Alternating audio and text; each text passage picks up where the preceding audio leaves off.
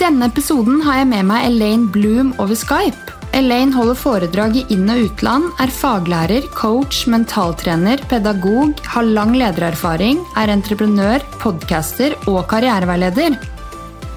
Hun tar også en master i karriereveiledning, og i tillegg har hun to sesonger på NRK som heter Karriereveilederen, hvor hun veileder norske artister. Tema for denne episoden er karriere og karrierevalg. Vi er innom bl.a. hvordan man vet om man har valgt riktig eller feil karriere, hva man kan gjøre om man ønsker flere retninger, hvordan man møter dårlig ledelse, og hvordan man skiller seg ut i jobbsøknadsprosessen, og hvordan man forklarer hull i CV-en på jobbintervju hvis du har vært sykemeldt f.eks., og mye, mye mer. Jeg er så glad jeg har en episode med Elaine, fordi mange av tingene vi snakker om innenfor karriere, er noe de fleste av oss møter på. Jeg kommer også med litt egne erfaringer. Jeg vet at Elaine ikke liker å bruke ordene skal eller bør, men hun har utrolig mange gode råd. Denne episoden er for alle, enten du er i jobb eller ikke er i jobb akkurat nå. Kos deg med episoden hvor enn du er når du hører på.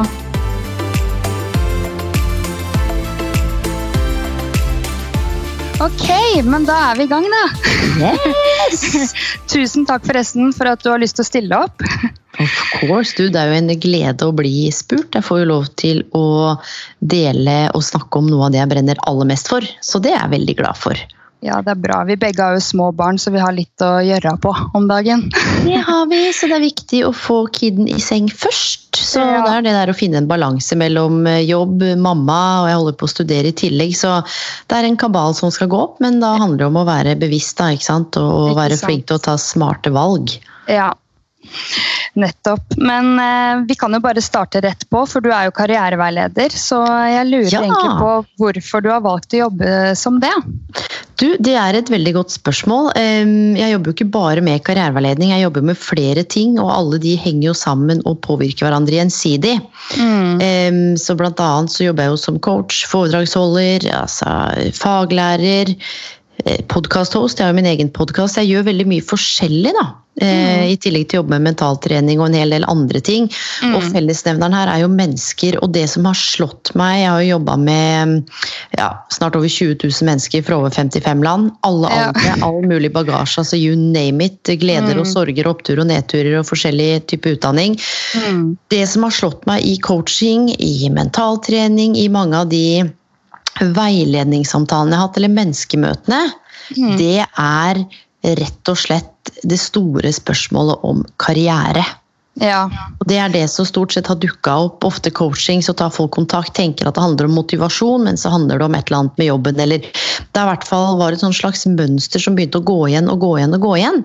Em, og så Jeg er jo pedagog i bånn, utdanna pedagog, og så har jeg fylt på med en em, master innenfor NLP, og så holder jeg på med en master i karriereveiledning nå som ikke er så altfor lenge til jeg er ferdig med.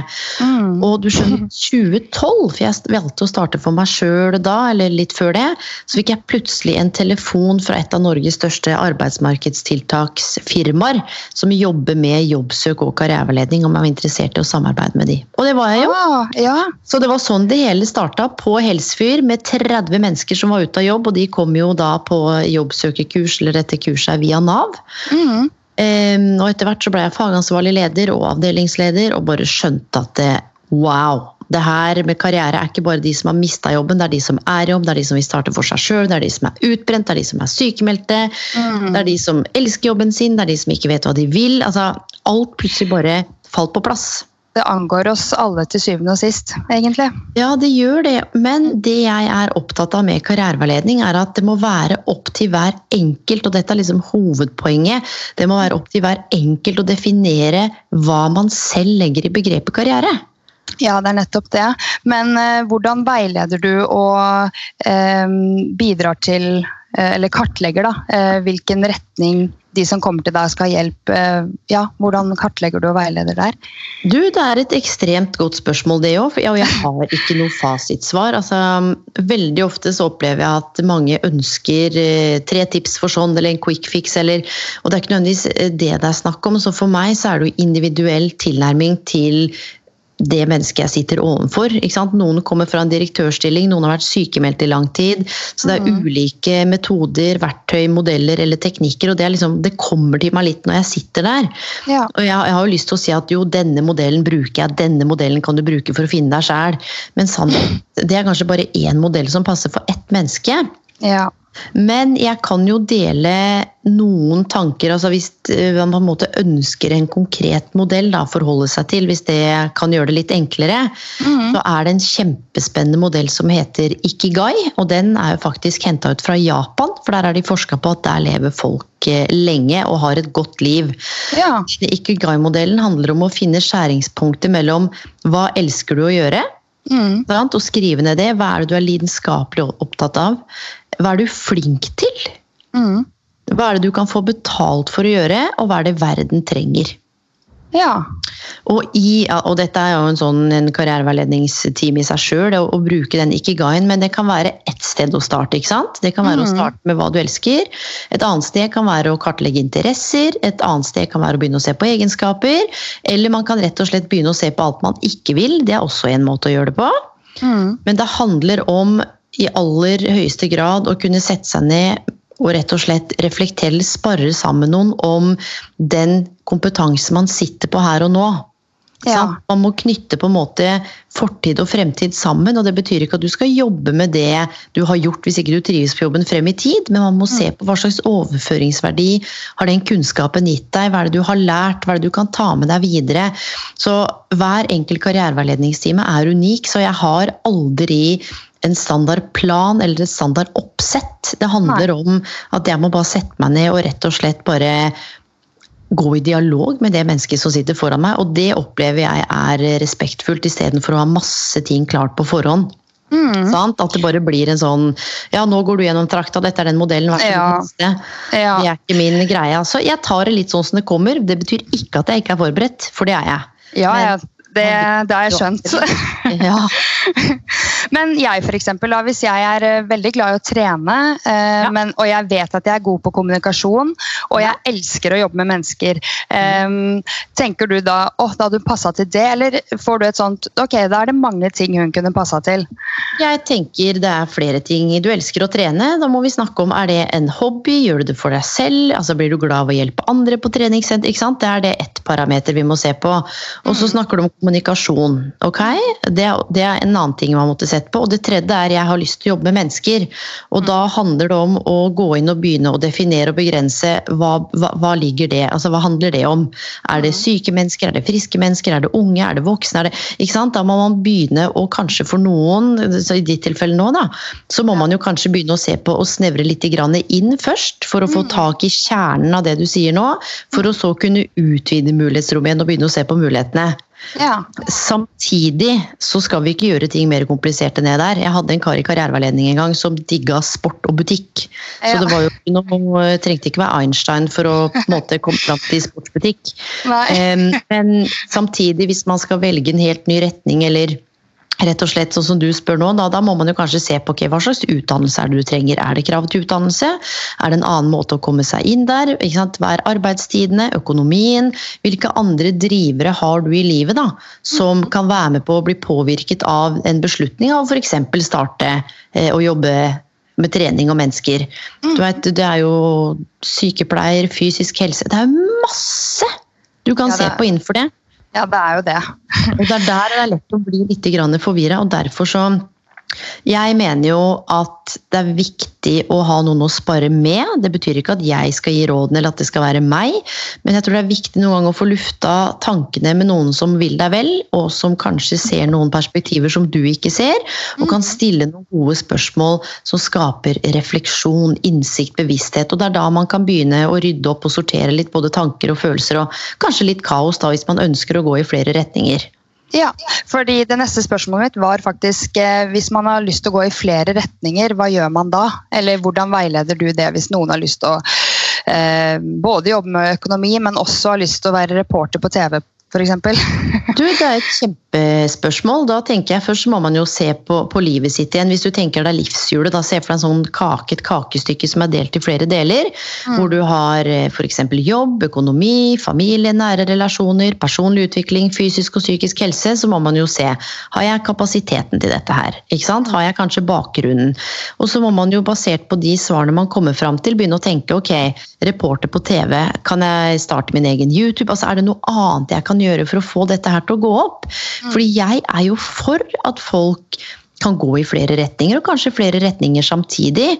Men da handler det litt om å definere er dette noe jeg vil ha betalt for, er dette noe jeg ønsker å gjøre som en hobby, og hvordan er det noen synergieffekter da, av økonomi og reporter på TV f.eks.? Er det noen fellesnevnere, så må man jo begynne å se litt på alt fra stillingsannonser, snakke med folk, og så kan det jo faktisk være at for noen så er de to jobbene du skisserte, mulig å ha.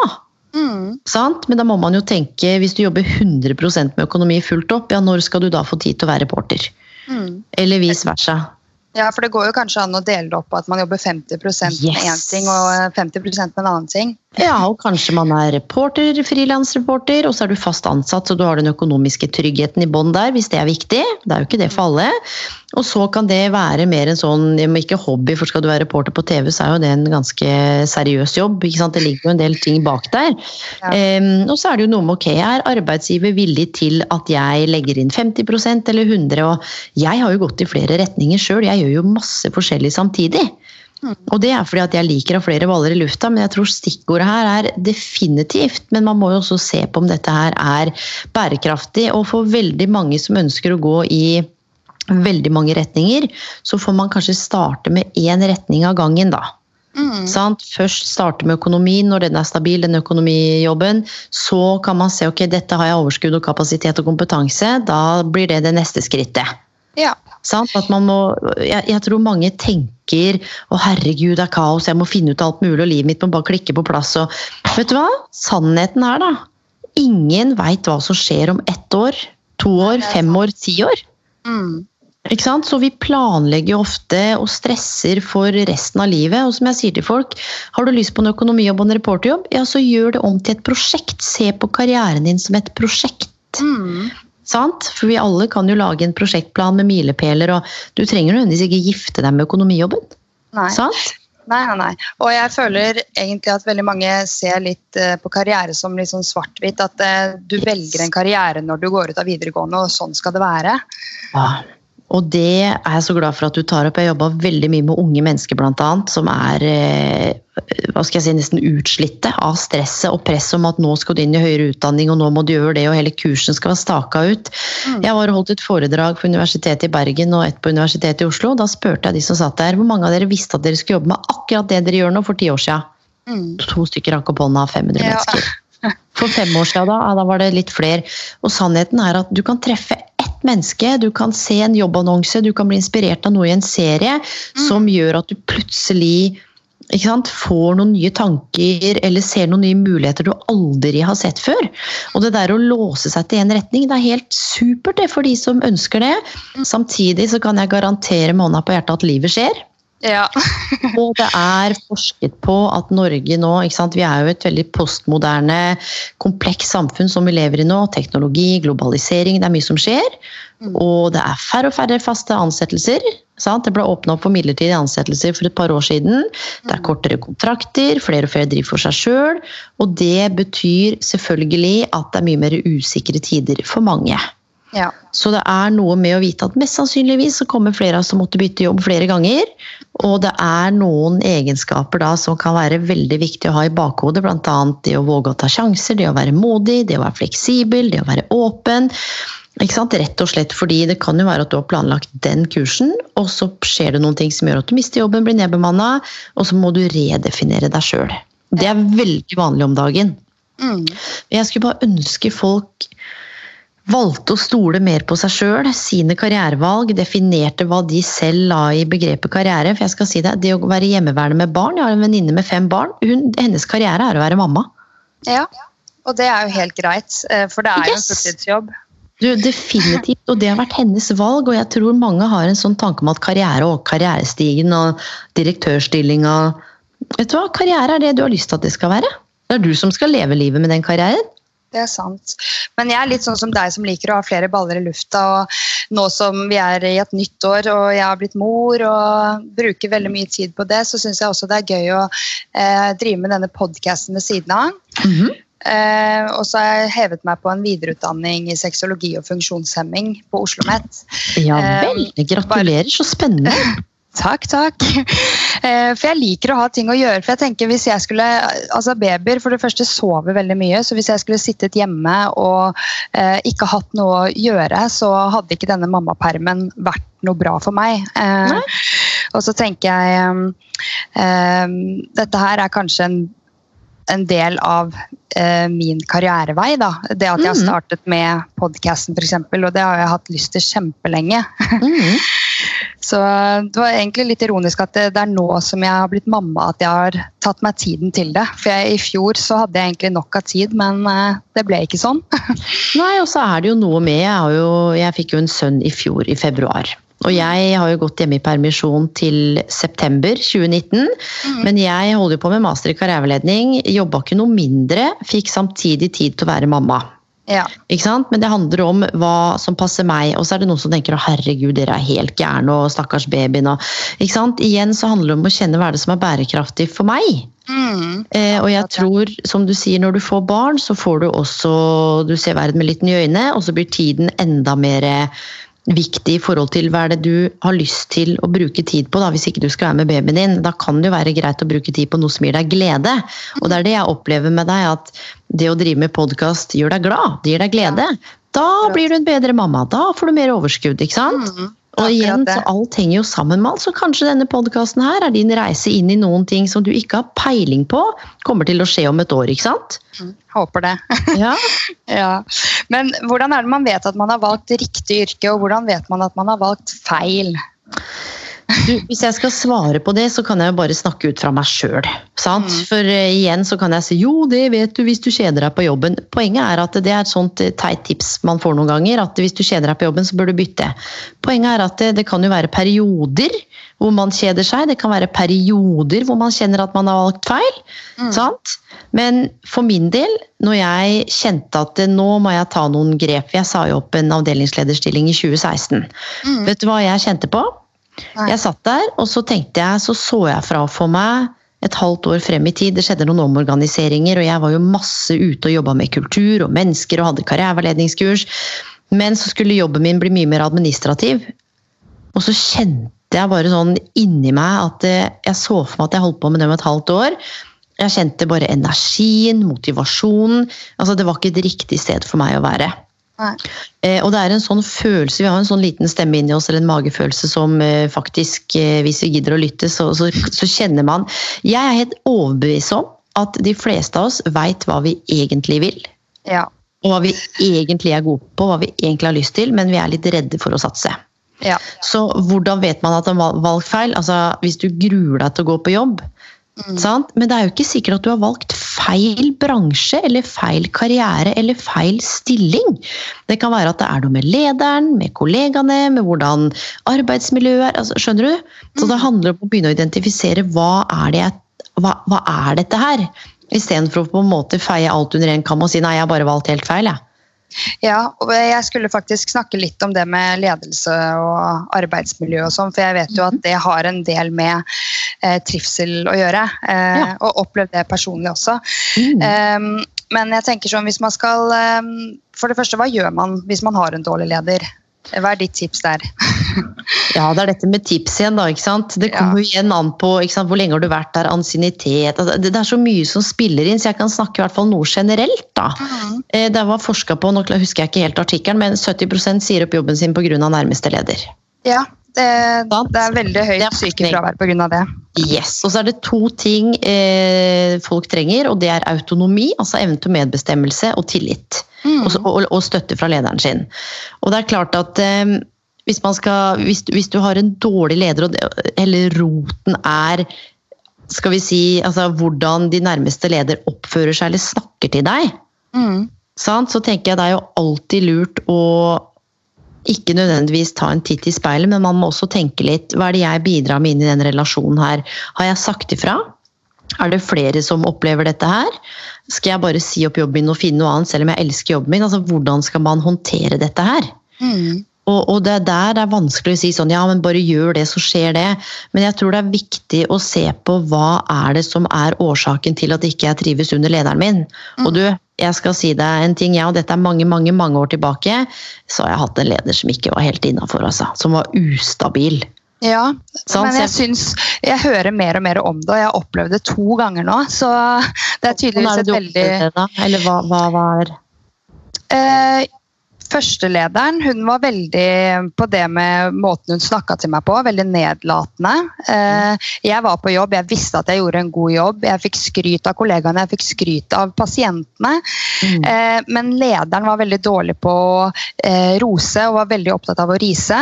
Og det gjaldt ikke bare meg, men det var virkelig helt ekstremt til slutt. Og jeg fikk eh, høre bl.a. at jeg hadde pipestemme. eh, Ja, ikke sant. Da, da har det gått for la... Da, da begynner man å snakke. Dette her er jo ikke Dette er jo krise. Ja, det er krise. Eh, så Det gikk jo veldig utover psyken min til slutt. Yes. Um, og Det samme har skjedd en annen gang også, hvor eh, ledelsen Da var det tre, tre damer på topp som på en måte styrte der jeg var. Ja. Um, og veldig mye baksnakking, også veldig nedlatende.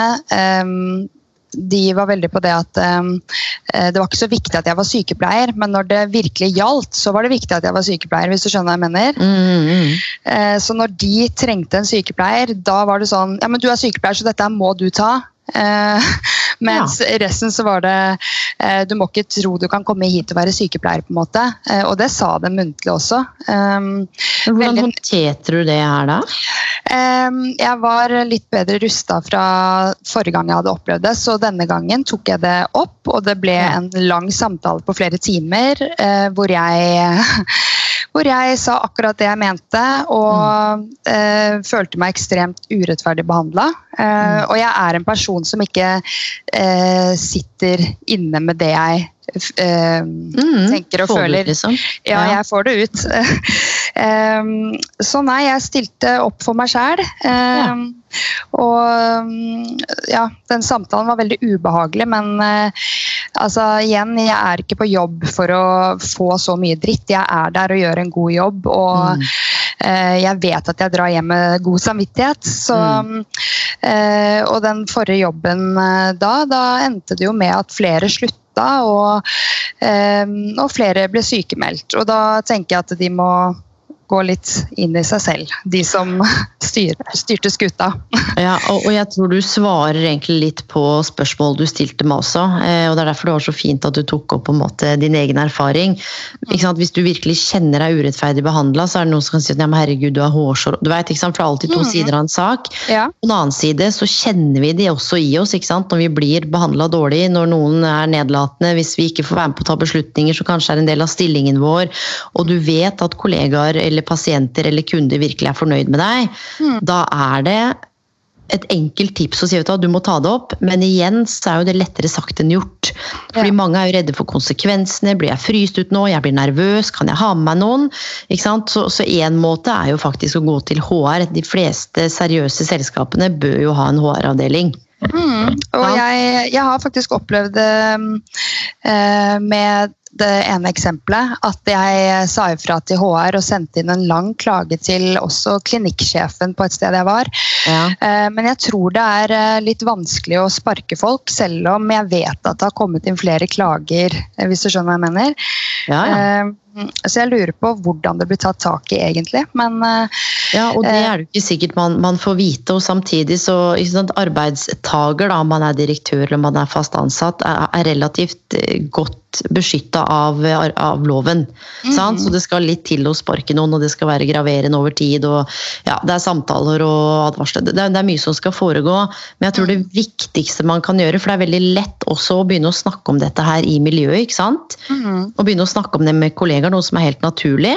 Eh, og så kan det jo spre seg en sånn misnøye mot lederen, noe som kan være helt reelt. Men jeg tenker etter end of the day, da, så må man jo ta et valg, selv om det kan være drita vanskelig. Og det er skal jeg stå opp for meg selv? Skal jeg fortsette å stå i dette her? Skal jeg bytte jobb? Altså, er jeg ferd med å bli Ja, jeg har jobba med folk jeg, som har vært utbrent, mobba, sykemeldte pga. nærmeste leder. Mm. Som, som, ikke har turt å si ting. Men jeg har også jobba med de som har hatt fantastiske ledere, så det finnes jo mye bra ledelse der ute også. Absolutt. Men jeg er så glad for at vi snakker om dette her i forhold til å stå opp for seg sjøl ta tak, fordi noen må jo si noen ting en eller annen gang. Ja, ja, ja. Absolutt. Og, men hvis man skal bytte arbeidsplass da, og ikke gidder dette her mer um, De vil jo gjerne ha den forrige sjefen som referanse. Yes. Uh, og hva gjør man da hvis man har hatt et dårlig forhold til lederen og uh, Man vil jo ikke at den nye sjefen skal se på deg og tenke sånn Å ja, du er en sånn type ja, som krangler med sjefen. Som lager drama og konflikter. ja. Nei, og det er bra du spør om, for at et vanlig intervjuspørsmål er har du vært i noen konflikter. Blant annet, sant? Og de fleste svarer nei, og det tenker jeg er litt merkelig. For man har jo opplevd ulike konflikter hvis man har bikka par og tjue. da. Mm. Så har man jo kanskje vært vitne til eller deltatt i. Eller, og der handler det gjennom innsikt og refleksjon i forhold til hvordan man har løst det. Uten å snakke noe stygt om noen. Mm. Så, så, der handler det om å, å, være transparent uten å Du trenger jo ikke hvelve ut alt, men det går an å si at ja, jeg har opplevd konflikt, og det løste vi sånn og sånn, og bla, bla, bla. Sant? Her må man jo finne litt ut hva man skal si selv. Ja. Når det gjelder referanser, så anbefaler jeg aldri og dette er jo sikkert noen som er uenig i, det er helt greit, at man oppgir referansene på CV-en. Med mindre man må. Okay. Hvis du må legge det inn i Webcruiter eller Manpower eller noen av disse sidene, mm. så hvis du kan sende av gårde på en annen måte, eller i hvert fall ikke det er krav om referanser, så bør du stå oppgis på forespørsel. Fordi noe av det viktigste du kan gjøre for referanser i arbeidslivet i Norge, er jo dritviktig. Ja. Uten tvil. Man sjekker alltid referanser. Det er det jo når man skal leie leilighet. Liksom. Det er de to tingene hvor referanser er alfa og omega. Mm. Og da, hvis du bare setter opp referansen din i hytt og pine uten å informere om at du har søkt ny jobb, eller hva slags type jobb du har søkt, mm. så kan det én kanskje være at uh, den nye arbeidsgiveren din ringer referansene dine uten at de har blitt informert. Det er jo ikke noe særlig bra, for da blir jo ikke de forberedt. Nummer to, det kan godt være at de blir ringt ned. ikke sant? Sett at du sender mange søknader. Når har du sendt ut 30 søknader, og så plutselig sitter jeg for at du oppgitt meg, så får jeg 30 telefoner. Fordi det gjør jo screeningprosessen enklere hvis de stoler på referansene dine. Mm. Så kan det jo tenkes, jeg sier ikke at alle gjør det, men det kan tenkes at ok, da ser jeg her referanser, da ringer vi de først, og så får vi høre om hun er ålreit. Ja. Hvis ikke så går hun i nei-bunken. Sant? Og hele poenget er at hvis du har hatt en konflikt som du ikke er aleine om å ha, så kan du heller ta med deg referansene til intervjuet. Sant? Og da kan du sette opp en annen leder, du kan sette opp en kollega. Mm. Du kan sette opp noen som kan si noe om hvordan du utførte arbeidet. altså Har du noen kunder, har du noen samarbeidspartnere? Få noen andre til å si noe om arbeidet. Mm. Men samtidig så kan det være viktig å si at jeg og min nærmeste leder vi hadde dessverre en uoverensstemmelse, og det var nok til at jeg kjente at det rokka ved verdigrunnlaget mitt. Derfor så tok jeg et bevisst valg om å slutte i jobben. Sant? Det er jo en fin måte å si det på, istedenfor å si at lederen min er helt psyko. Og jeg bare wow. Ja. Og så plutselig, før man vet ordet av det, så har man lagt ut hele livshistorien til eh, lederen sin av seg sjøl, og så sitter man kanskje i neste øyeblikk og sier nei, min sterke egenskap er at jeg er lojal og pålitelig. Ja.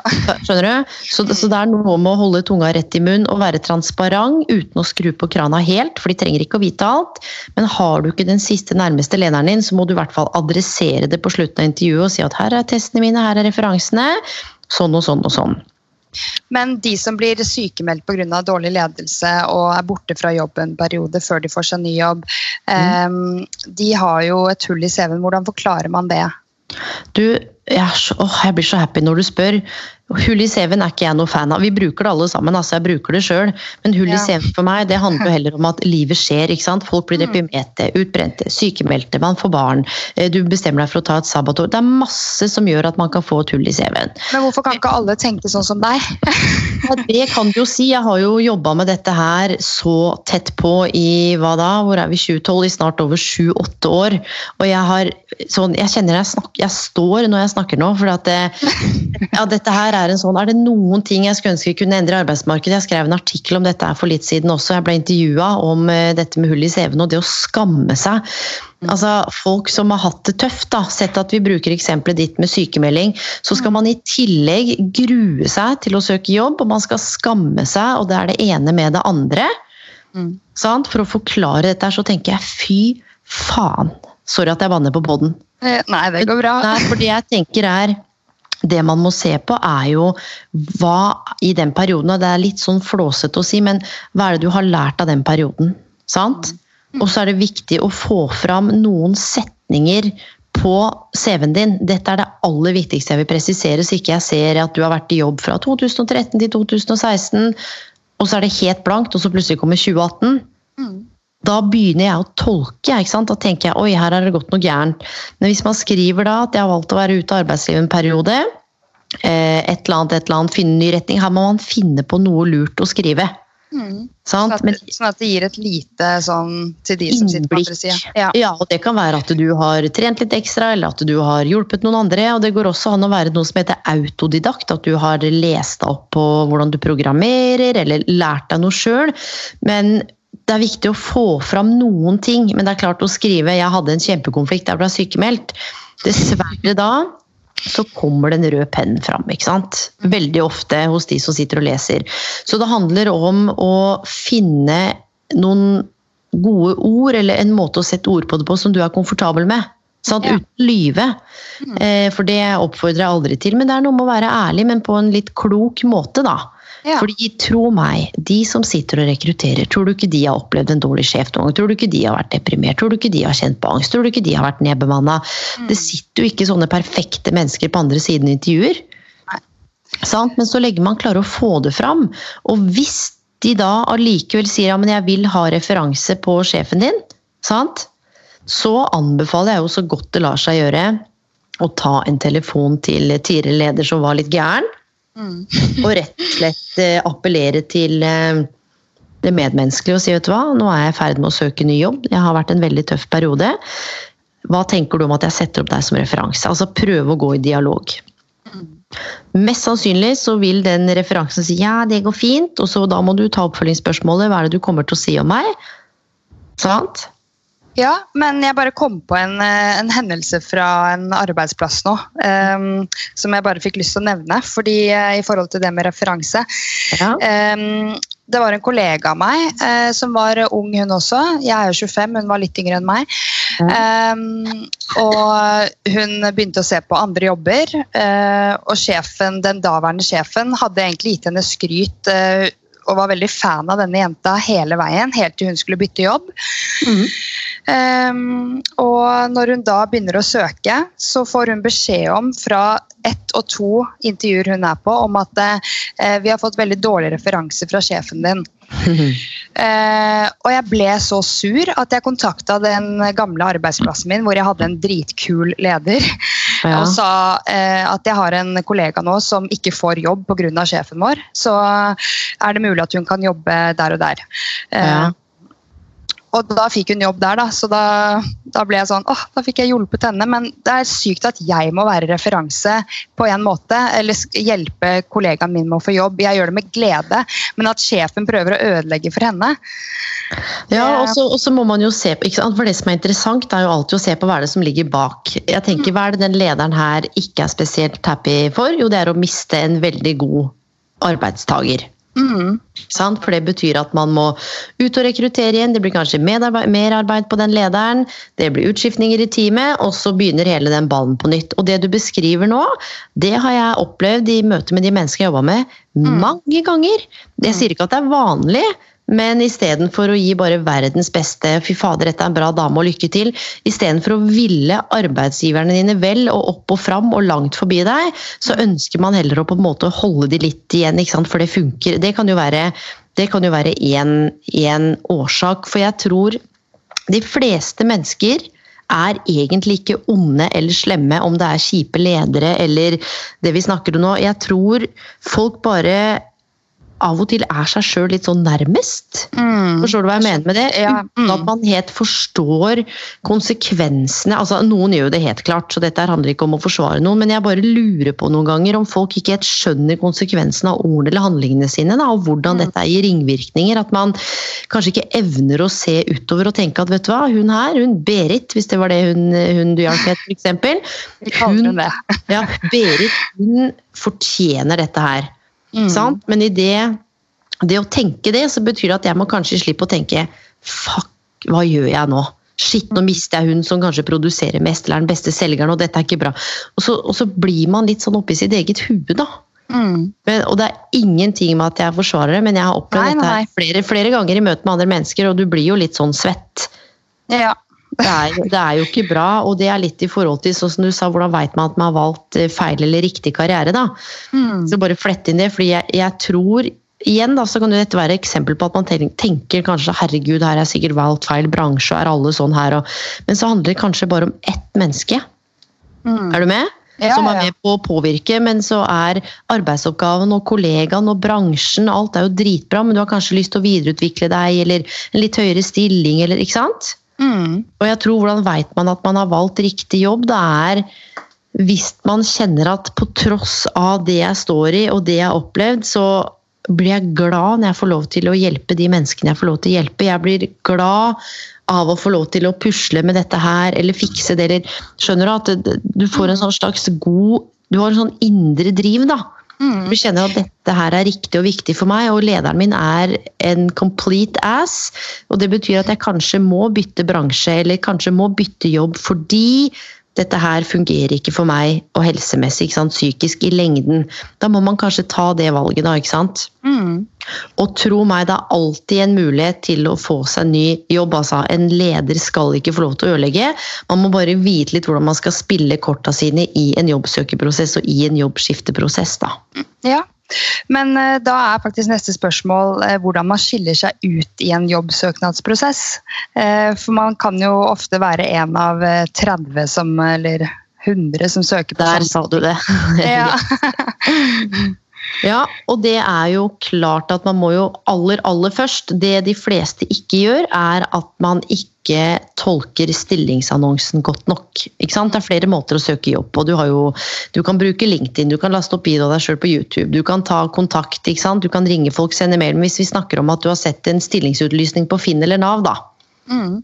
så må man virkelig lære seg å tolke jobbannonsen. Og det de fleste glemmer, er å lese den skikkelig godt. Man tenker at man har lest den, men når jeg begynner å stille kontraspørsmål for å se liksom hva er det du har trukket ut av essensen, så har man kanskje ikke fått med seg det mest essensielle. Og med en gang du ser en annonse, hvis du ser den brødteksten, så står det ofte om selskapet. Mm. Der er det jo sinnssykt mye viktig informasjon. At man har lese lest seg opp på hva, de, hva slags verdier og Ja, ja, man er nødt for å gå inn på bedriftens hjemmeside. Det kan man gjøre etter hvert. Men bare idet man ser på stillingsannonsen på toppen før arbeidsoppgaver og krav og alt det de lister opp, som jeg har sagt før, det ser ut som de skal ha en superman eller superwoman. Når man sitter der og bare 'Å, herregud, alle de egenskapene og alle de kravene. Oh, hvor skal jeg begynne hen?' Mm. Les alltid den teksten før som beskriver eller sier noe om firmaet, i hvert fall fem ganger. Og så ringer man rundt det man tenker er viktig. Jeg har et eksempel. Jeg hjalp en eh, nå i en jobbsøkerprosess. og Der står det masse, der står, det, der står visjonen til firmaet, hva som er målsettingen med å utlyse den stillingen her. Sånn at man kan flette inn bidragene sine og motivasjonen, sånn at man svarer på stillingsannonsen. Da, mine venner, skal jeg love deg at du skiller deg ut. Ja. Fordi de vet hvorfor man ofte får nei, og jeg har jobba med rekruttering i mange år. Det er fordi at man har bare copy-pasta søknadene sine. Mm. Skjønner du? Det er, jeg har sagt det før, så et teit eksempel, men at du bruker en regnskaps-CV, og så søker du en jobb i barnehage. Ja, ja, men det Nei, er, det er jo det mange gjør. Ja, men og det er derfor igjen jeg står nå når jeg snakker om dette, jeg merker engasjementsnivået mitt stiger. Man er nødt Det er for å skreddersy søknaden. Ja. Ta en tele Vil du skille deg virkelig ut, så tar du en telefon. Og så sier du 'hei, mitt navn er sånn og sånn', kort innpå.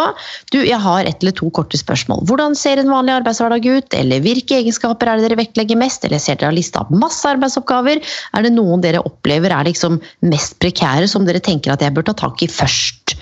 Da kan du bruke det i søknaden din og skrive 'viser til hyggelig samtale med daglig leder Elaine Bloom' og søker med stor interesse på stillingen. Min motivasjon for å bidra Sant? Og så får du med litt erfaring. Og hele poenget er at du er jo nødt for å skille deg ut, og det er veldig få som ringer for det å søke jobb. Det er litt lotto, det.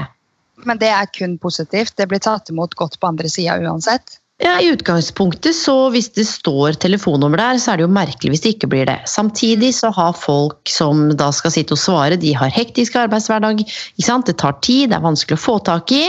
Og jeg tenker at man prøver å ringe én eller to ganger, legge igjen en beskjed, og hvis ikke, så får man droppe det. Kan man vurdere å sende en mail.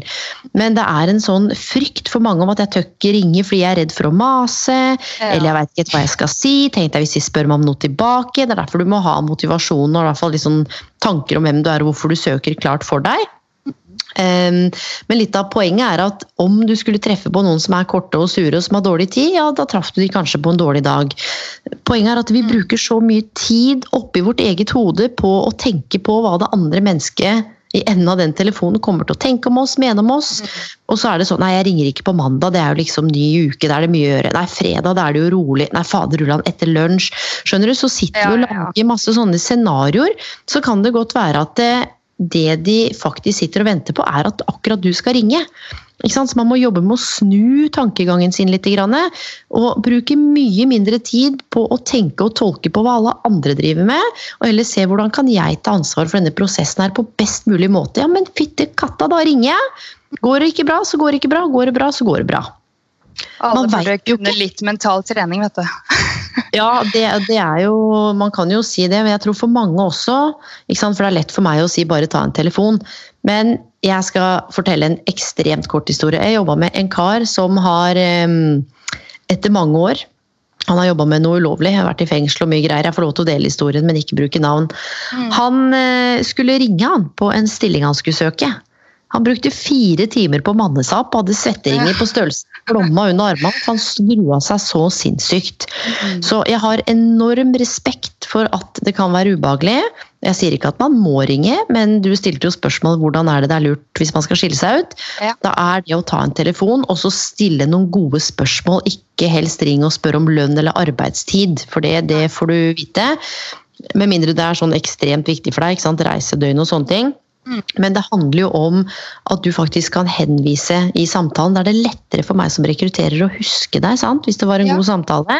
Mm. Og i tillegg, og her kommer hele rosinen i pølsa, i tillegg så får du kanskje tak i informasjon som ikke så mange andre har fått, som du kan bruke i søknaden.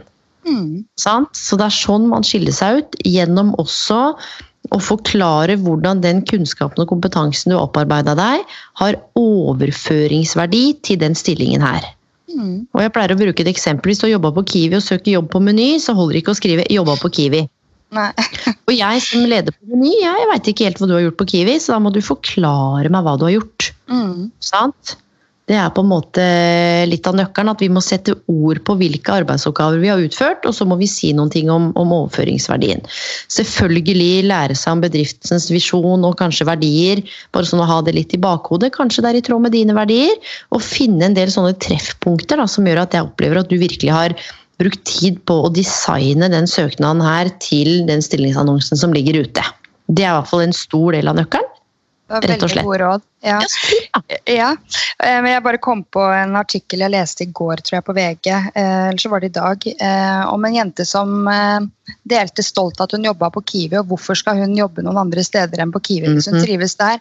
Og jeg synes Det var så kult at hun sto fram med det, fordi det er så mange som måte, har brukt det eksempelet om at du vil ikke ende opp i kassa på Rema. da.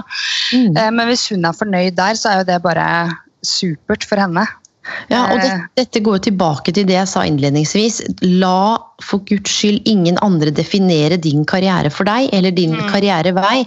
Altså, Be om råd, oppsøk veiledning hvis det er det å gjøre. Spar med venner og familie. Men sannheten er at venner og familie av og til har, og hvis man ikke er profesjonell, da, det betyr ikke at mm. jeg har hele oversiktsbildet når jeg skal veilede deg, men i og med at det er et profesjonelt samarbeid, så vil jo jeg kanskje komme fra et litt annet sted enn foreldrene dine eller vennene dine, eller ikke sant? Mm. Kanskje kollegene dine. Og det er én ting jeg ønsker å få fram, det er at du må definere din karrierevei. og Er man lykkelig i kassa på Kiwi, så bra. Har man ikke lyst til å ta høyere utdanning, så bra. Norge trenger folk som jobber i butikk. Norge trenger folk som ikke tar høyere utdanning. Mm. Det, det betyr det. ikke at eh, det er sånn nå er du imot høyere utdanning? Overhodet ikke, jeg holder jo på med det sjøl. Men det er så viktig at hvis den veien ikke er for deg, så finner du noe annet. da, og, det, og Jeg leste en artikkel og jeg kjente umiddelbart at jeg hadde lyst til å skrive tidenes lengste hurrarop. Fordi det er fader meg på tide at noen slår et slag for de yrkene også som er ekstremt viktige. Mm. Vaske, vaskefolk også. Det er så sjukt viktig. Jeg tenker bare hvordan det hadde sett ut hvis ikke vi, noen hadde jobba med det. det har jeg tenkt på så mange ganger. og mm er det én ting jeg alltid har bestrebet meg etter, det er å behandle de som vasker, hvis jeg har sittet her, med den utmost, skjønner du, ytterste respekt. Mm. Altså, Vi alle er mennesker, og det er dette her jeg er så lei av. og det er derfor jeg er nok en litt sånn Jeg vil beskrive meg selv som litt rebelsk og utradisjonell karriereveileder. Ja, men det, det er kult, det. Ja, men jeg, jeg er, det er derfor jeg er litt sånn lei av tre tips for å finne drømmeyrke, og seks tips, og veit at du er lei jobben. og ting er mer sammensatt og komplekst. Og når du ser noen vaske, så kan det godt være at eh, det er det de trives med, eller kanskje det er det de holder på med som et prosjekt. Kanskje det er akkurat det de gjør nå fordi de trenger penger. Mm. Vi vet ingenting om det mennesket på andre siden, og det kan godt være at du treffer det mennesket igjen om et halvt år. Ja, eller et år. Og, det der, og der, jeg er så lei sånn mas av status og stilling. For når jeg sa på avdelingslederstillingen min, så bare Herregud, tenk hvis du går ned i lønn og mister den tittelen. Ja, who cares? Ja. og, og, det er litt med det der å tenke hvordan er det jeg egentlig se på de som kjører buss, de som står på Kiv. Altså, hva er det du egentlig tenker om andre mennesker? Og er det fordi du er frykt for at andre skal dømme deg, at du tar et eller annet rart karrierevalg? Mm. Skjønner du? Det er så ja, ja. mye som spiller inn, og det er derfor jeg valgte å jobbe med karriereveiledning. For det er dritkomplekst, og det er mm. dritspennende, og jeg lærer noe nytt. Bare på den podkasten her ikke sant? så sitter vi og snakker om ting. Vi har jo ikke noe manus. Nei, nei. Nå sitter vi jo bare og, og, og kaster ideer. Ja, men, men, dette er et viktig tema, og du belyser veldig mange viktige deler, da. Mm. Det er det som er målet med denne podkasten òg, at jeg har viktige temaer som jeg belyser med kloke og kule gjester fra gang til gang. Mm. Eh, og jeg syns det med karrierevalg er så viktig eh, å ha en episode om. Fordi mm. eh, bl.a. meg og så å si alle jeg kjenner, nei da, ikke alle, men veldig mange jeg kjenner, mm. eh, har stått på stedet hvil og er sånn, eller veldig lost da, og bare Hva skal jeg gjøre med livet mitt? ja, og det er dere ikke aleine om. Det er det jeg får. Jeg får veldig mange henvendelser hver dag, og det handler om jeg står ved et veiskille, jeg veit ikke hva jeg skal gjøre. Jeg veit ikke hvordan jeg skal bytte jobb, hvordan skal jeg finne ut av hva jeg vil. Mm. Og sannheten er at jeg er jo ikke noe orakel som kan si jo, vet du hva, jeg syns du skal gjøre sånn. For tenk deg hvis jeg gir deg det rådet, og så tar du det, og så funker det ikke i det hele tatt. Mm. Ikke sant? Det handler om at det å velge en karriere som man virkelig trives med, det veit man faktisk ikke helt, og hold dere fast, før man har begynt. Nei. Hvordan skal jeg vite at jeg går inn i et bra forhold med en fyr, f.eks., hvis jeg ikke prøver forholdet? Mm. Hvordan skal jeg vite at jeg ikke trivdes med å uh, være konditor, da, hvis jeg ikke prøvde det? Mm. Så, så, det å evne å holde mulighetene litt åpne og, og, teste så langt det lar seg gjøre, men samtidig også uten tvil, hvis man virkelig skal ha det godt, så er det jo noe med å finne ut av hva man liker å drive med. Mm. På en annen side, et viktig poeng er, og det har vært veldig mye snakk om at jobben skal gi mening. Ja. Må, men vet du hva? For mange så er det helt ok å ha en kjedelig jobb. Vet du hvorfor det? For de har mening utenfor arbeidet. Mm. De er med i veldedige foreninger, de har kanskje barn, de gjør ting som gir dem masse mening. Så de har lyst til å gå på jobb fra åtte til fire, trykke på en knapp og gå hjem. Ikke ha noe mer PS. Mm. Og hvorfor er ikke det greit? Og det er derfor jeg tror mange også sliter, fordi deler av samfunnet har hypa opp at alle skal finne jobben i sitt liv, og alle skal ha mening med alt det de gjør. Men det er ingen menneskerett å finne drømmejobben din med en gang. Nei. Men, og det kan ta et helt liv det å finne drømmejobben din. det kan kneppe Men man må tørre å ta noen sjanser, tørre å ta noen risker, tørre å titte litt ut av ruta. Kanskje gjøre det jobbbyttet, og så går det gærent. Ja, da lærer du, da. Istedenfor ja. å angre på det. Mm. nå, jeg kjenner jeg blir veldig sånn motivert og uredd av å snakke med deg, men så Ja, kommer, så det en tid, men så kommer det en tid hvor jeg skal eh, mest sannsynlig søke jobb, med mindre jeg prøver å starte for meg selv, noe jeg også har hatt lyst til. Da. mm. Mhm. Når mammapermen er over. Så vi får se hva jeg gjør. Men for de som har lyst til å starte for seg selv, um, Ja. hvordan skal man tørre å satse da? Du, dette er interessant, for jeg hadde faktisk en eh, Du, det var helt sjukt timing. I dag så har jeg lagt ut på eh, Jeg visste faktisk ikke at den podkasten her skulle ta helt den retningen. er Derfor jeg syns det er litt kult. Jeg har lagt ut en sånn liten miniserie i dag som heter De ti verste karrieretipsene jeg har fått. Ja, Altså, jeg så det så vidt i stad. Ja. Eh, Og der er litt av det vi snakker om nå, og det handler jo om hva skal jeg si for noe? Dette her er såpass kompleks at å starte for seg sjøl, for noen, kjempeenkelt. Smakk, smakk, smakk, alt er lina opp. Men jeg tror hele nøkkelen her er som vi snakka om i stad. Kanskje ikke for alle. Noen kan bare si opp jobben sin og hoppe ut i det. Jeg gjorde det. Men det er for meg. Det er ikke et råd jeg gir alle. Her må man tenke både og. Jeg har lyst til å starte for meg sjøl. Hvordan kan jeg gjøre det parallelt mens jeg er i den nye jobben? Kan jeg søke permisjon et år? Kan jeg trappe ned? Sant? Og det er også mulig, mine venner, å søke Nav om etablererstøtte til å starte eget selskap. Du har Innovasjon Norge. Ikke sant? Ja, ja, ja, ja. Det er ting som folk ikke tenker over. Men det er noe med å ha skal du starte for deg sjøl, så tror jeg ikke at man klarer å ha oversikt over absolutt alt. Men hva er det du har lyst til å tilby, da? Mm. Man må jo kjenne litt på produktet sitt. eh, Hva slags kanaler? Har jeg noen kunder? Hva er det folk spør meg oftest om? Er det treningstips? Altså? Hva, er det, hva er henvendelsene venninnene dine stadig kommer til deg med? Mm. Begynne å tenke, Er det et eller annet hull i markedet her som jeg må tette? Er det noe som mangler? Og Det er derfor jeg starta podkasten min Karriereveiledning med Elaine, fordi det var noe som mangla. Ja. Skjønner du? Og, og det er derfor jeg Det meste av det jeg har starta, har kommet ut av fordi jeg har mangla det sjøl, eller fordi jeg har opplevd at folk har mangla det. Mm. Så å starte for seg sjøl er ikke en sånn quick fix som er gjort på 1, 2, 3, men man må ha litt is i magen, og det jeg er mest redd for når folk bare kaster seg ut i det uten at det er gjennomtenkt, er hvis man er avhengig av inntekt, og det går lang tid og firmaet ikke starter opp, så begynner det å stresse, så blir man redd, man får frykt for sant, økonomi, og så tar det bort gleden og kreativiteten av å starte for seg sjøl. ja, det er akkurat det. Så det å enten finne investorer eller samarbeidspartnere, eller i hvert fall tenke ok, nå er jeg den jobben jeg har nå, fra åtte til fire, kan jeg være i den i seks måneder og begynne å starte så vidt i det små? Mm. Det er en mulighet. Kan jeg snakke med lederen min om jeg kan reduseres til altså, ikke sant? Man må tenke løsninger her, sånn at for alle så er det ikke bare å kaste loss og starte opp for seg sjøl. For noen så er det definitivt det. Og så går det bra, men man må se på hva er verdiene mine? Hva er driverne mine? Sant? Og hvilke muligheter har jeg? Fordi det er jo ikke noe tvil om at mange firmaer som starter opp, går dukken. Og det er en del filmer som går bra, og så er det jo selvfølgelig noen sånn suksessoppskrift på den eller den andre. Men jeg tror samtidig da at man må i hvert fall ha en litt sånn plan i bakhodet. En plan A en plan B. Det tror jeg er det beste tipset mitt. Plan A, jeg har lyst til å drive med dette her, det er drømmen. Eh, Og for å komme dit, så må jeg nok kanskje innom plan B. Da må jeg begynne å gjøre det på kveldene. Og etter hvert som, og det er sånn mange har starta, og etter hvert som det tar av, så kanskje jeg kan begynne å satse når jeg veit at jeg får inn litt penger, eller når jeg veit at et eller annet, et eller annet. Da må du skissere opp for deg selv og stille deg selv dette spørsmålet her. Når veit jeg at jeg har lykkes? Ja. Og, eh, og da handler det om å definere hva er suksess for meg. Mm. Og det kan være når den første kunden din eh, sier hei, hei, da veit du at du er i gang. Kanskje det er da du skal hoppe.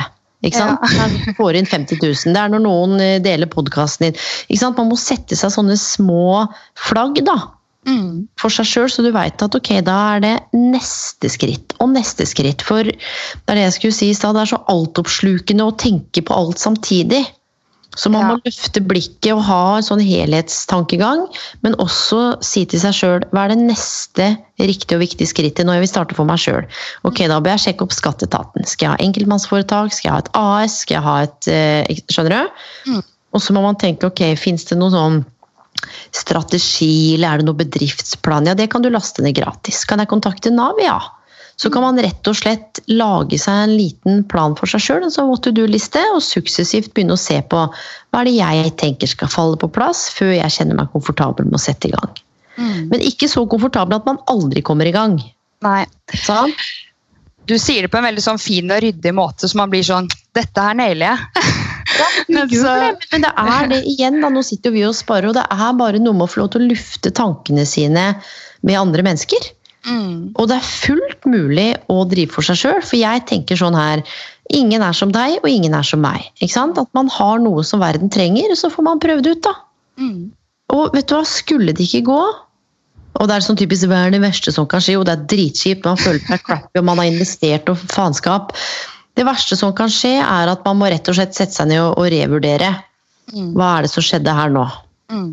Sant? Med mindre man har tapt en hel haug av penger og gått fra alle man kjenner i verden og blitt helt sånn weird, så, så er det jo noe med å se på ok, hva, hva var det som var bra, hva kunne jeg gjort annerledes, er jeg villig til å prøve igjen. Og så vil du få nye metodikker, sant? nye måter å gjøre ting på, for du lærer jo. Mm.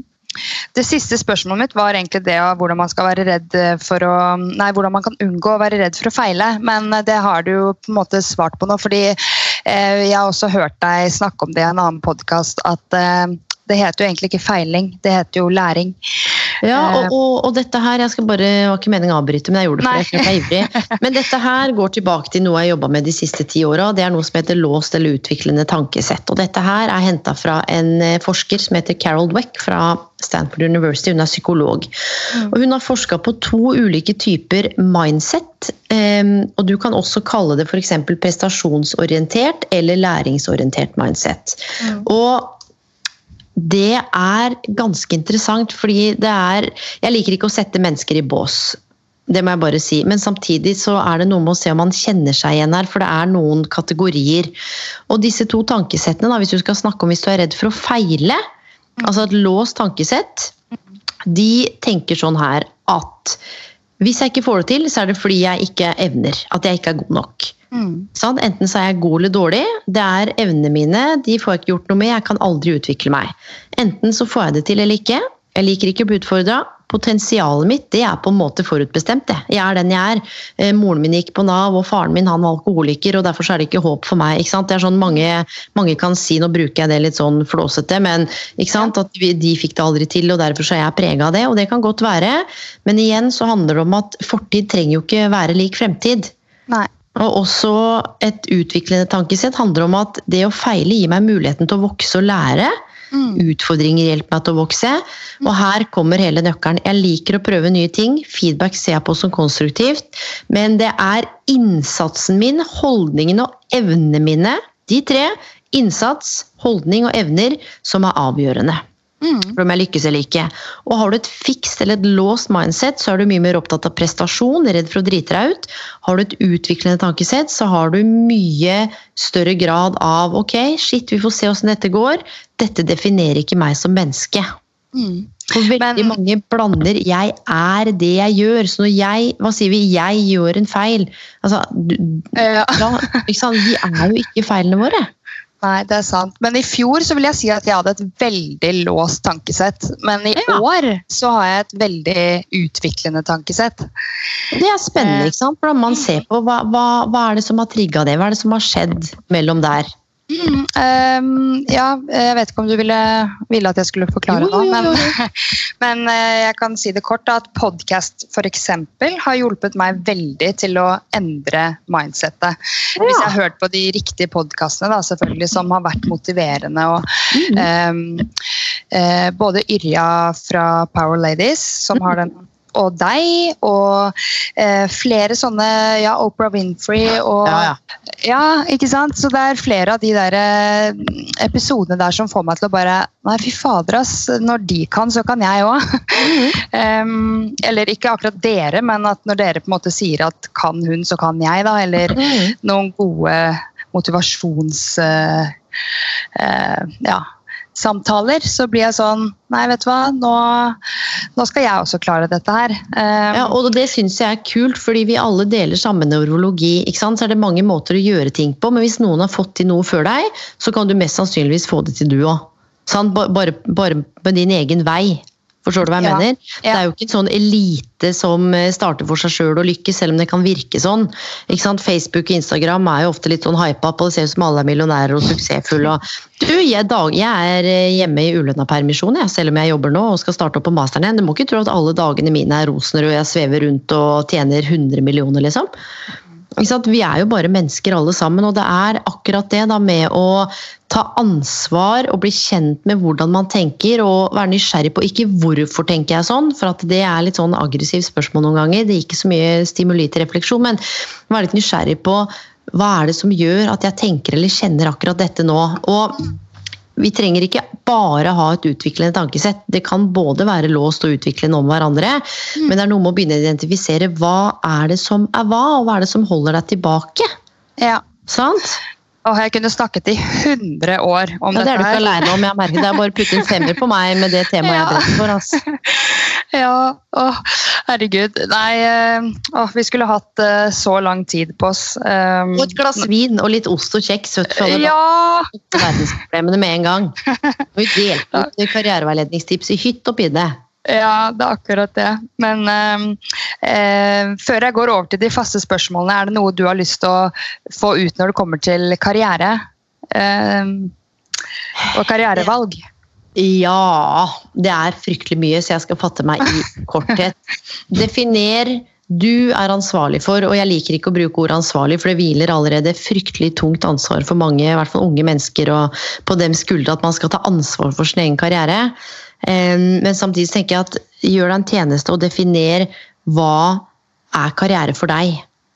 Det er liksom pri én. altså Ikke la deg rive med hva alle andre mener og tenker og syns. Lytt, men se om du klarer å stilne den stormen både på media og i bøker og hva alle andre mener. Og sett deg ned og tenk litt hva er det som er viktig og riktig for meg? Hva er det jeg trenger? Hva er det jeg kan bidra med? Og nummer to handler om å vite at livet blir ikke alltid som planlagt. Ja. Det å være åpen for at eh, om fem år så gjør du kanskje noe helt annet og tenker herregud, sitter jeg med dette her, det er det verste jeg kunne tenke meg, nå elsker jeg det. Vi vet aldri helt hva som kan skje, så det å være åpen, modig, fleksibel, våge å ta sjanser og, og rett og slett våge å, å be om hjelp og finne noen som støtter deg i ulike prosesser, det tenker jeg er viktig. Og for det tredje så tenker jeg, og dette er litt sånn eh, kleint, men det er noe med å trene på å stole på seg sjøl. Det er bare jo ikke som- det. Nei, men det er litt sånn Når folk skal i intervjuer, da, så er det sånn Hva er det beste tips du kan gi? Bare vær deg sjøl, stol på deg sjøl. Men det er ikke så lett. Det er derfor det er vanskelig å finne ut av ting. Men det er å jobbe med å få 100 tillit til seg sjøl, her kommer det, det krever også øvelse og trening i, hold dere fast, trommevirvel, personlig ærlighet. Mm. Det betyr at du kanskje må gå fra det forholdet du er i. Forlate den jobben du er i. Du må faktisk eh, rett og slett oppgradere både hodet og hjertet litt. Grann. Når er det du tok en sånn liten eh, statussjekk sist på hvordan livet faktisk er? da? Mm. Fordi alle arenaer i livet henger sammen. Karriere henger sammen med familie, familie med venner, venner med økonomi. altså Ja. Alt henger sammen med alt. Og det er det jeg har lyst til å si. Karriere kan ikke ses på som en sånn isolert enhet. Nei. Mhm. Nei, fy søren. Altså, denne episoden her er dritbra. Jeg kommer til å høre på den flere ganger. Så bra. Nå kommer den ut, da. Jeg spør, jeg. ja, Eh, jeg tenker den skal komme ut i februar. Herregud, så moro. Nå gleder jeg meg, jeg òg. Ja, så bra. Men eh, da tenker jeg at jeg går over til de faste spørsmålene. Ja. Hvis ikke du har mer på hjertet Du, jeg har masse. du, ja, du, spørre meg, for jeg vet at da blir det 7 timer og 53 minutter, og da kan folk sovne. Ja, men Da tar jeg første spørsmål. Ja. Hva er dine beste tips for å starte uken best mulig? Ok, da har jeg tre tips. Nummer én, stå opp og drikke vann. Det er sånn pri én, rense kroppen. Og så bruker jeg ett minutt på rett og slett bare puste litt og kjenne etter hva jeg er takknemlig for. For det er jo forska på. Jeg jobber jo også med positiv psykologi, og the attitude of gratitude, det er jo eh, bevist at eh, hjernen vår er jo nevroplastisitet. Altså du endrer jo faktisk nerveforbindelsen i hjernen. Så det er noe jeg gjør. Og det aller siste jeg gjør sånn på morgenen, det er å skrive i boka mi The Five Minute Journal. Den er helt genial, for da får du et sitat hver dag. Og så skal du skrive tre ting du er takknemlig for, og da har jo jeg gått gjennom dem i hodet idet jeg står opp. Så skal du svare på What would make today great? Og så er det en daily affirmation, og på kvelden så skal du skrive tre fantastiske ting som skjedde, og hva kunne vært bedre eller annerledes. Det har jeg en venninne som også gjør, faktisk. Yes, Så det er rett og slett det jeg gjør, altså. Ja, Og så løper jeg rundt som en strikkball da etter sønnen min, og det er jo veldig takknemlig for det. Så det er en fin måte å starte på. Ja, det er hyggelig. Eh, hvordan finner du inspirasjon eller motivasjon til å snu en dårlig dag om til en god dag? Du, både og. Noen ganger så kan jeg hvile litt i det å ha en dårlig dag, for å være nysgjerrig på hva det handler om. Jeg tror mange av oss er så jævlig kjappe på å ha det bra og være lykkelig, og shit og alt skal være så At vi, ikke, at vi nummer med podkast, med TV-serier, med alt mulig som forstyrrer hodet, sånn at vi er en human eh, being, at vi gjør noe hele tiden for å føre verdi, istedenfor en human doing. Eh, at vi er en human doing istedenfor en human being. Så noen ganger så setter jeg meg ned med penn og papir. Andre ganger så kan jeg høre på musikk, av og til kan jeg trene, gå en tur i skogen. Eh, og noen ganger så tenker jeg at i dag har jeg en dårlig dag. Det er helt innafor. Og jeg er ikke spesielt for å bare gå rundt og tenke positivt, for det er ikke det positiv psykologi handler om. Nei. At eh, dette er vanskelig, ja, men det går bra, det går bra, det går bra. Da tenker jeg Elaine Bloom, hva er det som gjør at dette oppleves slitsomt, stressende, og så prøver jeg å sette ord på det. Ja, så bra, fordi Noen ganger så kan man jo ha hatt en veldig god dag dagen før, så våkner man opp og bare 'Hvorfor har jeg en sånn her dag i dag?' Og så vet man ikke helt hvorfor. Nei, og noen ganger så er det bare sånn det er. Mm. Men samtidig så er det også noe med å kunne sette ord på. Var det, annen, var det noe jeg sa i går som jeg ble usikker hvordan ble tolka? Altså, kan det være noe så lite? Var det det at jeg glemte det? Men det er noe med å sette ord på det, og når jeg setter ord på det ofte med penn og papir eller på Mac-en, så blir jeg også bevisst hva slags språk jeg har. Mm. Ser du det? Den indre dialogen, det du går og forteller deg sjøl gjennom hele dagen, er avgjørende for kvaliteten på livet ditt. Mm. Så det handler om å få tak i den indre dialogen uten å nødvendigvis skulle endre alt mulig, men bare akseptere at ok, nå er det ikke helt topp. Og, det, og et, etter å ha gjort det, så, så blir dagen faktisk sakte, men sikkert litt bedre. Men for all del, noen dager er dritt. Sånn er det. Ja, sånn er det bare. Hva er du takknemlig for? Du, I og med at vi har snakket om karriere, så er jeg ekstremt takknemlig for at jeg har muligheten til å drive selskapet mitt. Eh, drive podkast, lever av å holde foredrag, jobbe med karriereveiledning og det jeg elsker å gjøre. Jeg drømmer om et eget eh, talkshow, så det er jeg takknemlig for. Kommer til Oi. å komme. Du, Eh, det kommer du til å klare. ja, fy fader Ulland. Hvis noen kjenner noen, få meg på God morgen Norge. Get that shit Ja. out there. Ja, men jeg skal si deg en ting. Folk må vite at man fins. Mm. Og det er litt sånn i forhold til det vi har snakka om om å søke jobb. Skal du bare sitte alene bak Mac-en din og sende ut søknad? Du må snakke med folk. Fortelle folk hva du vil. Skjønner du? Man kan, ja, man kan sende tips til God morgen Norge. da. Det går faktisk an. Eh, om eh, personer som bør være gjester og sånn. Seriøst? Så, jeg kan jo ja. ikke tipse meg sjøl. Ja, men da kan jeg tipse om deg, da. Altså, Man kan tipse om seg selv også, men eh, man kan sende inn om seg selv også. At du har lyst til å dele f.eks. Uh, det du holder på med, da. Eller eh, det, det går an. Du, Da er jeg ekstremt takknemlig for at alle som hører på den podkasten her, må tipse God morgen Norge om. Du, tenk deg nå, tenk deg nå hvis alle som lytter gjør det. Altså Hvis dere syns dette er ok, er det synes dere er helt forkastelig, så trenger dere ikke gjøre det. Og tenk deg hvis det skulle skje, ja. Ja, men herregud, altså min drøm er å komme på God morgen Norge en eller annen gang. Det er favorittprogrammet mitt. Jeg ser på det hver morgen. Ja. Eh, og det virker så kult å ha det som jobb, eh, syns jeg. Og faktisk eh, ja. Du, det, du, tips meg om God morgen Norge, alle sammen, så skal jeg sende dere love og kjærlighet. Men, Ja. men eh, holdt jeg på å si ikke fra spøk til alvor, for det var seriøst. Men eh, jeg er ekstremt takknemlig for jeg har mamma og pappa i live. Og det er ikke noe jeg tar for gitt, fordi jeg har en del venner som har mista foreldrene sine tidlig.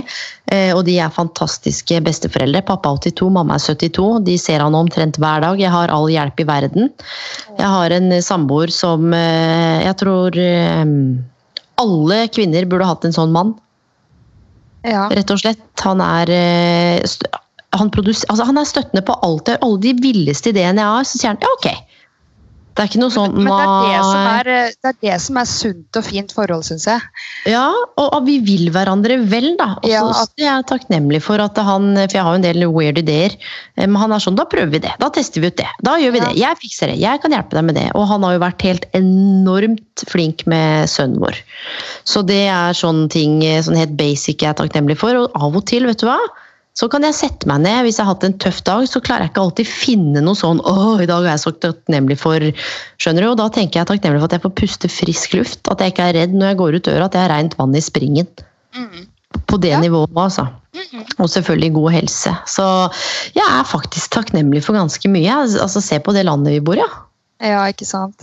Og i og med at jeg jobba med, jeg med mennesker som virkelig kommer fra krigsherja land, flyktninger fra det verste du kan tenke deg. Og du blir altså så blåst av banen noen ganger når du rett og slett bare tenker at eh, ja, jeg har sikkert møtt noe motgang jeg òg, og det er ikke alltid at man skal sammenligne seg, men eh, ja, det er stor forskjell på livshistorier og karrierehistorikk, altså. Ja, det er helt sjukt. Og det, og, jeg, og det tror jeg når man jobber med mennesker, så blir man forbanna ydmyk for at eh, det er eh, mye folk Det er mange som gjennomgår mye, og så er det ikke alltid man ser alt. Psykisk helse jobber jeg mye med. ikke sant? Depresjon, angst. eh, Det er ikke alt man kan se, da. Nei. Mm. Men jeg bare kom på, for jeg, i 2017 så var jeg tre måneder i Zambia og jobbet på sykehus på ja, studien. Mm. Mhm. Og da husker jeg at jeg, tenkte, jeg var så mye sint når jeg var på utveksling der nede. Eh, Jeg sleit mye med sinne. Eh, Så da husker jeg at jeg var sånn Jeg skal være så takknemlig hver eneste dag når jeg kommer hjem. Mm. Eh, Og jeg er jo det i bunn og grunn, men det er ikke alltid det kommer til eh, syne. da, Så jeg husker de to første månedene jeg var hjemme, så var jeg bare sånn dritglad når jeg satt på bussen. og bare sånn. Jeg syns det var helt fantastisk å sitte på bussen, at den kom tidsnok. og eh, Helsevesenet og alt sammen, menneskene rundt meg. Men så kommer du tilbake til det vanlige livet ditt som du er vant til, og så kan dagene gå opp og ned, og du glemmer kanskje å sette pris eh, på de viktige tingene. da. Eh, Hver eneste dag, selv om jeg gjør det, hvis du skjønner hva jeg mener. Men- Ja, men det er derfor man må gjøre det til et morgenritual og et kveldsritual, så det blir akkurat som å pusse tenna. Og Ja. selv om det blir automatisert, så tvinger du da hjernen din til å lete etter hva som har vært bra med dagen, hva som kommer til å bli bra. Eh, ikke sant? Og det trenger ikke være disse voldsomme tingene. Altså Når vi snakker om helsevesenet, moren min eh, hadde plutselig en helt akutt kjempehjerteoperasjon i 2019. Ble liggende på sykehus i ikke sant, hvor mange dager, betalte ikke en krone. Sønnen min han eh, betaler jo ikke noe hos legen før han er 16. Hele under graviditeten min betalte ikke en krone. Altså, samtidig så kan man jo, dette er en helt annen pod, men så er det jo mye i helsevesenet dessverre som ikke er tipp topp også. Men, eh, men det er noe med å snakke om hva man er takknemlig for, for det er sånn ord man kan slenge ut og er takknemlig for. Men hvis du virkelig setter deg ned og tenker etter, da. så skal jeg begynne med å skrive, jeg skal begynne å skrive det ned. Ta et blankt ark, ta en dagbok. Altså, kjøp deg en litt fin bok på bokhandelen med litt sånn fancy, du vet. Og kos deg bare eh, når babyen din sover, skjønner du. Jeg, uansett så gjør jeg det. Det er kanskje ikke det første jeg gjør når jeg spretter opp og kaster jo ikke sønnen min på sofaen og bare 'Å, nå må jeg skrive dagbok'. Men, du vet, jeg, jeg setter det inn, for det gjør noe med hele starten på dagen min. Og det, hør nå, det påvirker også arbeidet mitt. Sant? Jeg møter jo mennesker på en helt annen måte. Mm. Mm. Det siste spørsmålet da, det er hva inspirerer deg? Oh, det er eh, mye. Um, faren min inspirerer meg, moren min. Eh, Hun hadde jo samme jobb i 50 år. Det er det jo ingen som kommer til å ha nesten lenger. Fatter'n har hatt en ganske tøff oppvekst og sånn uh, rar karrierereise. Mista jobben og gått med aviser på natta i voksen alder og ja. Ja, ja. Så, så, så han, de to um, Vet du hva, jeg blir inspirert av mye rare ting. Jeg kan bli inspirert av naturen, liksom. Eller ikke rare ting, men sånn eh, jeg blir, Jo, her er det. Jeg blir inspirert av å gå ut og ta bilder. Det inspirerer meg. Det er det ikke mange som veit om meg. Nei. Og så ble jeg inspirert av å skrive. Jeg tror jeg har fire bøker liggende på Mac-en, sånn halvveis ferdigskrevet, og 10 000 artikler sikkert, som jeg aldri har egentlig sendt ut noe sted. Um, og så inspirerer det meg å snakke med deg. Jeg blir inspirert, jeg er ganske ekstrovert, så jeg blir inspirert og får energi av å være rundt mennesker. Så hyggelig. Rett og slett. Ja. Det må jeg si, altså. Mm. Mm. Nei, men Da er vi egentlig gjennom veldig mye av uh, egentlig, altså Som sagt, jeg kunne snakket med deg i 100 år. Eh, men uh, for denne episoden så syns jeg det har vært skikkelig mye kloke råd fra deg. Så fint, da. Ja, og så um, håper jeg vi ses en gang. Du, Sånn. tenk deg hvis vi ses på God morgen Norge, hadde vært lite funny. Ja. Herregud. Du, det kan jo godt være at våre veier krysses. Nå sitter vi jo ikke i studio sammen, for jeg hadde ikke anledning, eller vi hadde ikke anledning til å møtes. Jeg syns det var veldig deilig i dag å faktisk sitte hjemme. faktisk. Ja. Og vi har jo hver vår mikk, og i hvert fall lyden er jo god her. Men eh, en eller annen gang så tipper jeg at man skal møte de menneskene man skal møte. Jeg tror, jeg tror det kommer til å eh, Det hadde vært ta seg et glass vin en dag og prate og snakke litt. Ja. ja. men greit, du. Ja. takk for at du inviterte meg, og så håper jeg virkelig at lytterne dine blir inspirert. Denne episoden var dritbra, og tusen takk for at du tok deg tid. Bare hyggelig. Så får du ha en fin kveld. I like måte. Takk. Ha det! Ha det!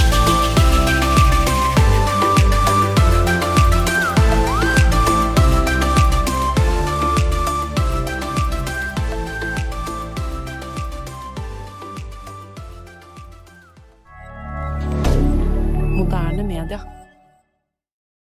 Har du et enkeltpersonforetak eller en liten bedrift? Da er du sikkert lei av å høre meg snakke om hvor enkelt det er med kvitteringer og bilag i fiken, så vi eh, gir oss her, vi. Fordi vi liker enkelt. Fiken superenkelt regnskap.